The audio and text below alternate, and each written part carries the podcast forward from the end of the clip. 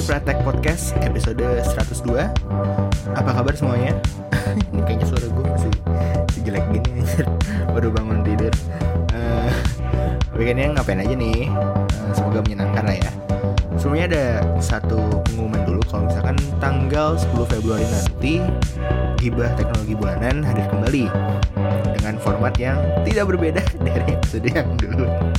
Tetap gue sama Fadil uh, tadinya tuh niatnya tuh season di season 2 itu tuh mau ngundang orang gitu dan segala macam gitu. Jadi apa namanya uh, ya season 1 perkenalan season 2 uh, mencoba uh, spektrum yang lebih luas lagi gitu. Cuman kayaknya belum belum belum bisa kesampaian. Ya punya uh, yang penting kita kerjain aja dulu. Makanya season 2 ini yang awalnya mau harusnya jalan per eh Desember atau Januari ya gue lupa per Janu ya kayaknya Januari lah kayaknya ya gue lupa.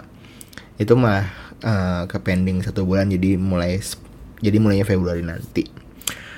Oke okay. uh, eh, rencananya akan live di YouTube um, tanggal 10 nanti gitu ya. Jadi akan live dulu di YouTube baru paling cepet ya besoknya udah ada podcastnya gitu udah ada udah ada audionya gitu. Jadi uh, kalau di YouTube rencan eh niatnya sih ya mirip-mirip kayak Pocket Now Weekly atau Android Authority Podcast gitu. Misalnya kalian juga bisa ngasih feedback misalnya nanya-nanya dan segala macem gitu lah uh, dan jamnya belum bisa gue umumin sekarang. Bukan karena masih rahasia tapi karena memang masih belum diomongin gitu. Jadi uh, ya kira-kira kayak gitu. Uh, topik besarnya akan ngebahas daily driver. Uh, daily driver itu ya HP yang gua sama Fadil pakai untuk keperluan harian kita gitu. Bukan misalnya bukan bukan HP yang buat uh, apa namanya bukan yang kalau misalnya gue kan misalnya beberapa uh, beberapa sekali ganti gitu kan ganti. Gitu. Tapi ya seperti Gift Tech Bull sebelumnya ya pasti akan ada colongan untuk ngomongin orang lain. Gitu. Oh ya uh, live nya di YouTube Arvia Pratama jadi bisa dicari aja kalau perlu subscribe sekalian. By the way, uh, McD sekarang punya display khusus buat order makanan gitu ya. Jadi kemarin tuh gue ke McD Cibinong. Kalian pasti tahu lah McD Cibinong yang mana.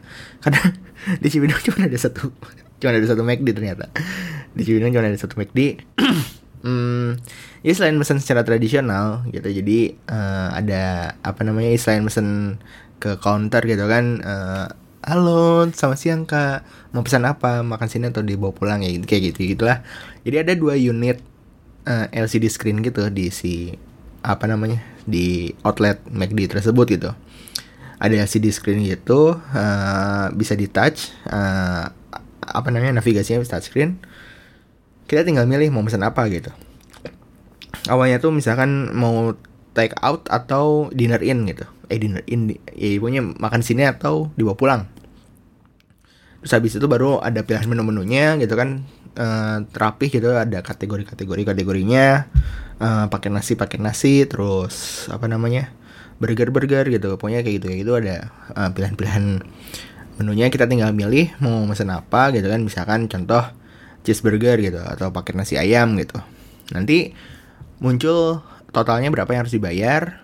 Pembayarannya bisa melalui cash dengan cara kita nanti struknya bakalan keluar dan struknya itu tinggal kita kasih ke si counter yang biasa. Eh sorry ada counter khususnya gitu. Counter khususnya ntar kita kasih ke sana terus bayar pakai cash nanti uh, pesannya lah dibikin dan tinggal nunggu uh, ininya ada statusnya gitu ada statusnya. Si pesanannya tuh udah dalam tahap apa gitu. Kayak di Domino Pizza gitu atau PHD nah bisa juga via uh, kartu debit atau kartu kredit gitu. Kalau misalnya pembayarannya via kartu, si pesanannya itu langsung terverifikasi dan langsung disiapkan gitu. Jadi tinggal nunggu nomor order aja, terus langsung ambil deh gitu dan buat gue ini terasa cukup cepet ya dibandingkan harus ngobrol-ngobrol di counter dulu gitu mesinnya juga cukup gegas gitu ya nggak nggak ada lag segala macam uh, masih dalam uh, batas wajar masih dalam penggunaan yang oke okay gitu yang nyaman gitu kan.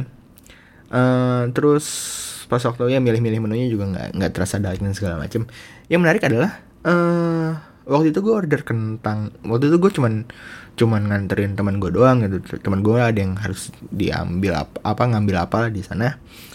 Waktu itu gue order kentang terus si mesinnya itu menyarankan lu nggak mau beli es krim juga nih gitu. Gue nggak tahu itu apakah sudah diatur dari awal atau misalnya mempelajari perilaku konsumen. Kayaknya sih masih diatur gitu ya. Misalnya kayak kan banyak ngeter apa gue nggak tahu ini kenapa bisa emang di luar juga nggak tahu cuma ngetren di Indonesia doang yang makan kentang pakai es krim. Gue pun nggak pernah nyobain dan gue males gitu. Maksudnya gue udah nyobain dan gue nggak suka aja gitu. Nah, tapi ya itu tadi si counternya nyaranin lu nggak mau beli es krim sekalian nih gitu. Kalau misalkan ternyata itu si mesinnya bisa mempelajari perilaku konsumen misalnya kayak ng ngeliat pattern gitu. Yang dipesan tuh apa-apa aja gitu kan kalau misalnya orang pesan kentang terus habis itu pesan es krim dalam jumlah banyak itu mungkin ya kalau misalkan si mesinnya bisa belajar itu keren banget gitu. Jadi kayak kayak uh, ke depannya kalau misalnya orang beli kentang langsung disuguhin nggak mau beli es krimnya juga gitu. Itu tuh ya oke okay banget sih. Uh, eden eden banget lah gitu. Tapi di satu sisi teknologi seperti ini nih bisa jadi ya memotong jumlah SDM mungkin ya ntar kapan-kapan gue coba bahas deh. Kemarin juga baru sekali nyoba aja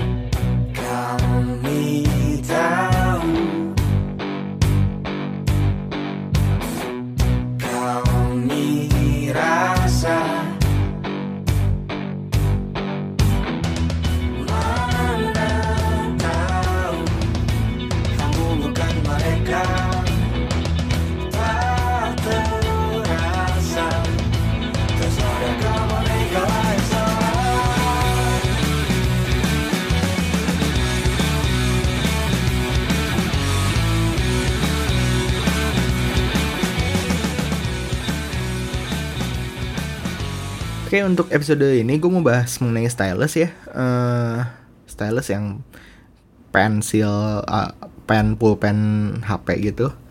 Waktu gue kecil tuh entah kenapa seneng aja gitu ngeliat handphone pakai yang pakai stylus gitu. Let's say beberapa PDA dengan Windows Mobile atau Sony Ericsson seri P. Uh, Kalau misalnya kalian tahu tuh Sony Ericsson seri P tuh yang keypadnya tuh bisa di flip. Jadi si layarnya yang awalnya kecil gitu jadi lebih luas. Jadi bisa buat uh, nyaman untuk uh, tapin pakai stylus gitu. Dan apa lagi ya? Uh, Samsung Samsung juga seri Omnia juga ada yang pakai stylus, soalnya udah layarnya udah udah ala-ala HP zaman sekarang gitu. Uh, apa namanya navigasinya di layar doang, walaupun touchscreennya belum seresponsif zaman sekarang gitu ya.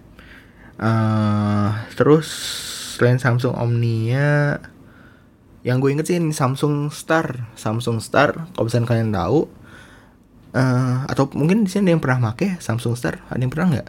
Jadi Samsung Star itu tuh muncul pokoknya Android itu masih mahal aja. Android itu masih generasi awal masih nge kalau nggak salah ya.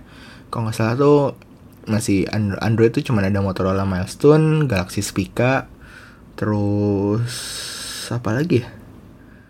Generasi awal. Ya pokoknya itulah generasi-generasi awal uh, Android muncul gitu ya.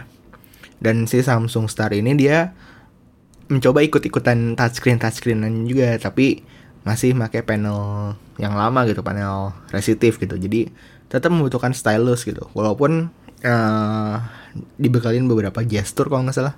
Beberapa gestur yang memudahkan dan game-gamenya juga beberapa ada yang optimize untuk touchscreen gitu walaupun ya itu tadi uh, si ya karena panelnya masih jadul masih resistif jadi harus ditekan gitu. Si bukan di bukan di swipe atau misalkan uh, sentuh doang gitu harus ditekan gitu baru muncul respon gitu. Kan kalau sekarang kan panel-panel touchscreen kan kapasitif semua tuh maksudnya uh, secara respon lebih oke okay, walaupun nggak presisi. Satu hal yang gue seneng dari stylus tuh presisinya ya untuk milih sesuatu gitu tombol yang kecil milih teks dan lain-lain gitu. Pakai jempol bisa sih cuman ya gue emang seneng aja kalau misalnya di tangan tuh ada semacam pulpen pensilnya bisa diputer-puter gitu kayak ya tahu kan muter-muterin pulpen pensil gitu main-mainin pulpen. Kadang-kadang kalau misalnya lagi gak ada kerjaan gitu tuh bengong sambil muter-muterin pulpen. Cuma ya butuh beberapa tahun sampai gue hands on gadget dengan stylus pertama gue yaitu Samsung Galaxy Note 10.1 jadi tablet ukuran 10 inci ini uh, cukup lama ya nemenin gue aktivitas semua keperluan multimedia juga udah gue pindahin ke sini gitu kayak nonton YouTube, main games gitu. Soalnya kalau nggak salah pas waktu gue make si Galaxy Note 10.1 ini uh, eh, HP yang gue pakai tuh uh, kalau gue nggak salah inget ya itu BlackBerry yang curve yang CDMA gitu. Jadi waktu zaman itu emang masih zaman BBM, masih zaman BBM 2000 mungkin 2013-an lah. Gitu dan ya buat nonton YouTube gitu kan main games terus uh, beberapa apa multimedia multimedia activity lainnya ya gue mengandalkan si tablet ini gitu dan adanya S Pen tuh sangat apa ya kepake banget sih buat gue uh, pas waktu nyatet nyatet kuliah gitu kan atau saat rapat gitu beberapa orang masih nyaman nulis di notes atau buku. Gue pun sebenarnya termasuk yang seperti itu gitu. Gue uh, lebih nyaman di kertas beneran gitu dan pulpen yang beneran dengan tinta gitu ya. Masalahnya gue tuh orangnya tuh nggak terlalu apik sama buku gitu. Belum lama si bukunya bisa keriting duluan. Kalau nyatet di tablet gue rasa bisa lebih diandalkan lah. Apalagi ini menyangkut uh, sesuatu hal yang urgent penting dan segala macamnya gitu. Nyatet catatan atau pas waktu rapat itu kalian pas waktu rapat. Dan si editingnya juga lebih simpel gitu. Pas waktu mau ngapus beberapa bagian atau ngebuat uh, apa namanya bentuk-bentuk kayak persegi lingkaran dan sebagainya itu uh, lebih bagus dibandingkan gue harus nggambar karena gue nggak bisa gambar. Dan bisa backup di cloud juga gitu. Kalau misalkan takut kenapa-kenapa. Dan sampai sekarang pun catatan-catatan yang itu masih bisa gue akses gitu. Karena gue upload di cloud gitu, masih bisa gue akses dan uh, kebetulan di device yang baru yang yang lagi gue pakai sekarang Galaxy Tab A itu bisa synchronize jadi nggak perlu nggak perlu mindahin secara manual gitu segala macam itu cukup gue sign in uh, akun gue langsung si notes notesnya yang dulu dulu itu uh, ada di si Galaxy Tab A yang gue pakai sekarang gitu sekarang tablet si Galaxy Tab 10.1 itu udah gue alih fungsikan jadi alarm gitu jadi penunjuk waktu jadi gue beli dock gue beli dock yang bisa ngecharge uh, dock itu kayak buat naruh HP-nya, eh, naruh tabletnya gitu. Biasanya ya lu coba cari aja DOCK. Jadi uh, kebetulan waktu itu ada yang jual murah karena kayaknya itu seri lama dan dia mau ngabisin barang di toko aja dan segala macem. Gue beli terus ya udah gue pakai buat jadi penunjuk waktu. Jadi gue standbyin kalau misalkan docknya itu aktif gitu ya si tabnya itu nyambung ke dock itu akan nampilin jam aja udah gitu. Dan gue pakai buat alarm alarman aja gitu. Gitu gitu. Soalnya so, uh, kenapa udah nggak gue nggak pakai lagi? Soalnya performa udah nggak bisa ditolong lagi gitu untuk penggunaan sekarang. Jadi uh, apa namanya untuk taking notes sama sama nonton YouTube nonton Netflix itu udah tergantikan oleh Galaxy Tab A gitu. Dan daily driver gue pun sekarang pakai Galaxy Note 9 uh, apa namanya walaupun gue masih belum nyaman ya uh, apa nulis-nulis itu dan segala macam di Galaxy Note 9 cuman di beberapa waktu tuh kepake banget tuh Galaxy apa namanya S Pen di HP gitu kan. Kayak misalkan waktu itu ada teman gue mau main ke rumah gue terus kayaknya dia nyasar gitu deh segala macam. Terus gue uh, minta lokasi dia di mana terus udah gitu ya gue kasih petunjuknya lewat si S Pen-nya ini nih. Gue lu ada di sini nih. Nah ini pintu masuknya ada di sini nih Jadi segala macem lah. Gitu. Terus buat bikin meme gitu dan segala macam juga um, menyenangkan juga sih maksudnya. Apa um, coret-coret coret-coret kecil coretan coretan kecil tuh minim eh apa namanya enak juga untuk nulis di sini gitu. Tapi kalau misalkan untuk uh, apa namanya doodling doodling ide gitu atau mm, bikin sketsa dan segala macem gue masih pakai si Galaxy Tab A ini. Bingungnya adalah sebenarnya si Galaxy Tab A itu aplikasinya S Note. Aplikasi note taking appsnya itu S Note. Sedangkan Galaxy Note 9 itu Samsung Notes gitu.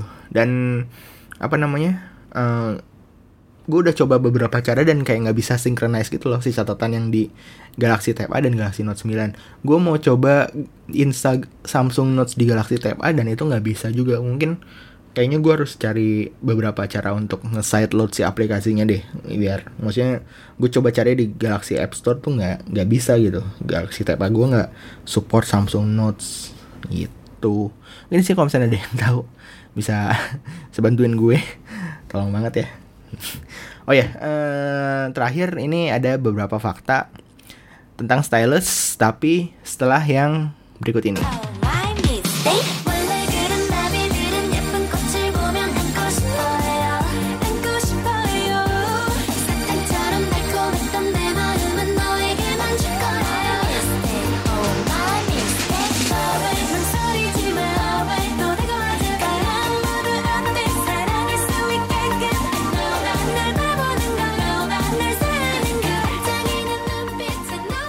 Oke, okay, satu, stylus berasal dari kata Latin stylus, S T I L U S, yaitu berarti pasak atau tiang.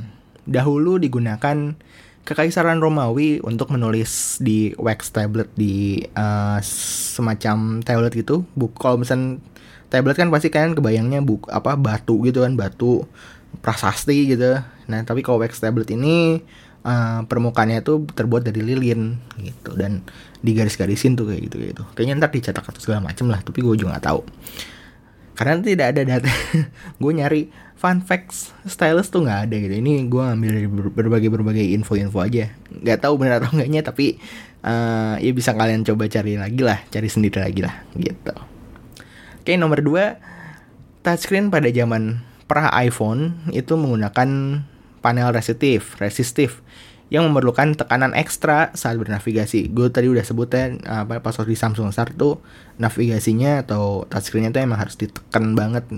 Dan mungkin kalau misalnya kalian dulu pernah pakai Nokia uh, N97 Iya kan N97 itu masih resistif juga. Terus N8 juga masih resistif juga gitu kan. Jadi nggak apa namanya nggak smooth aja gitu untuk ininya. Oh ya ini 5800 Express Music Nah ini gue coba ingat itu masih resistif juga.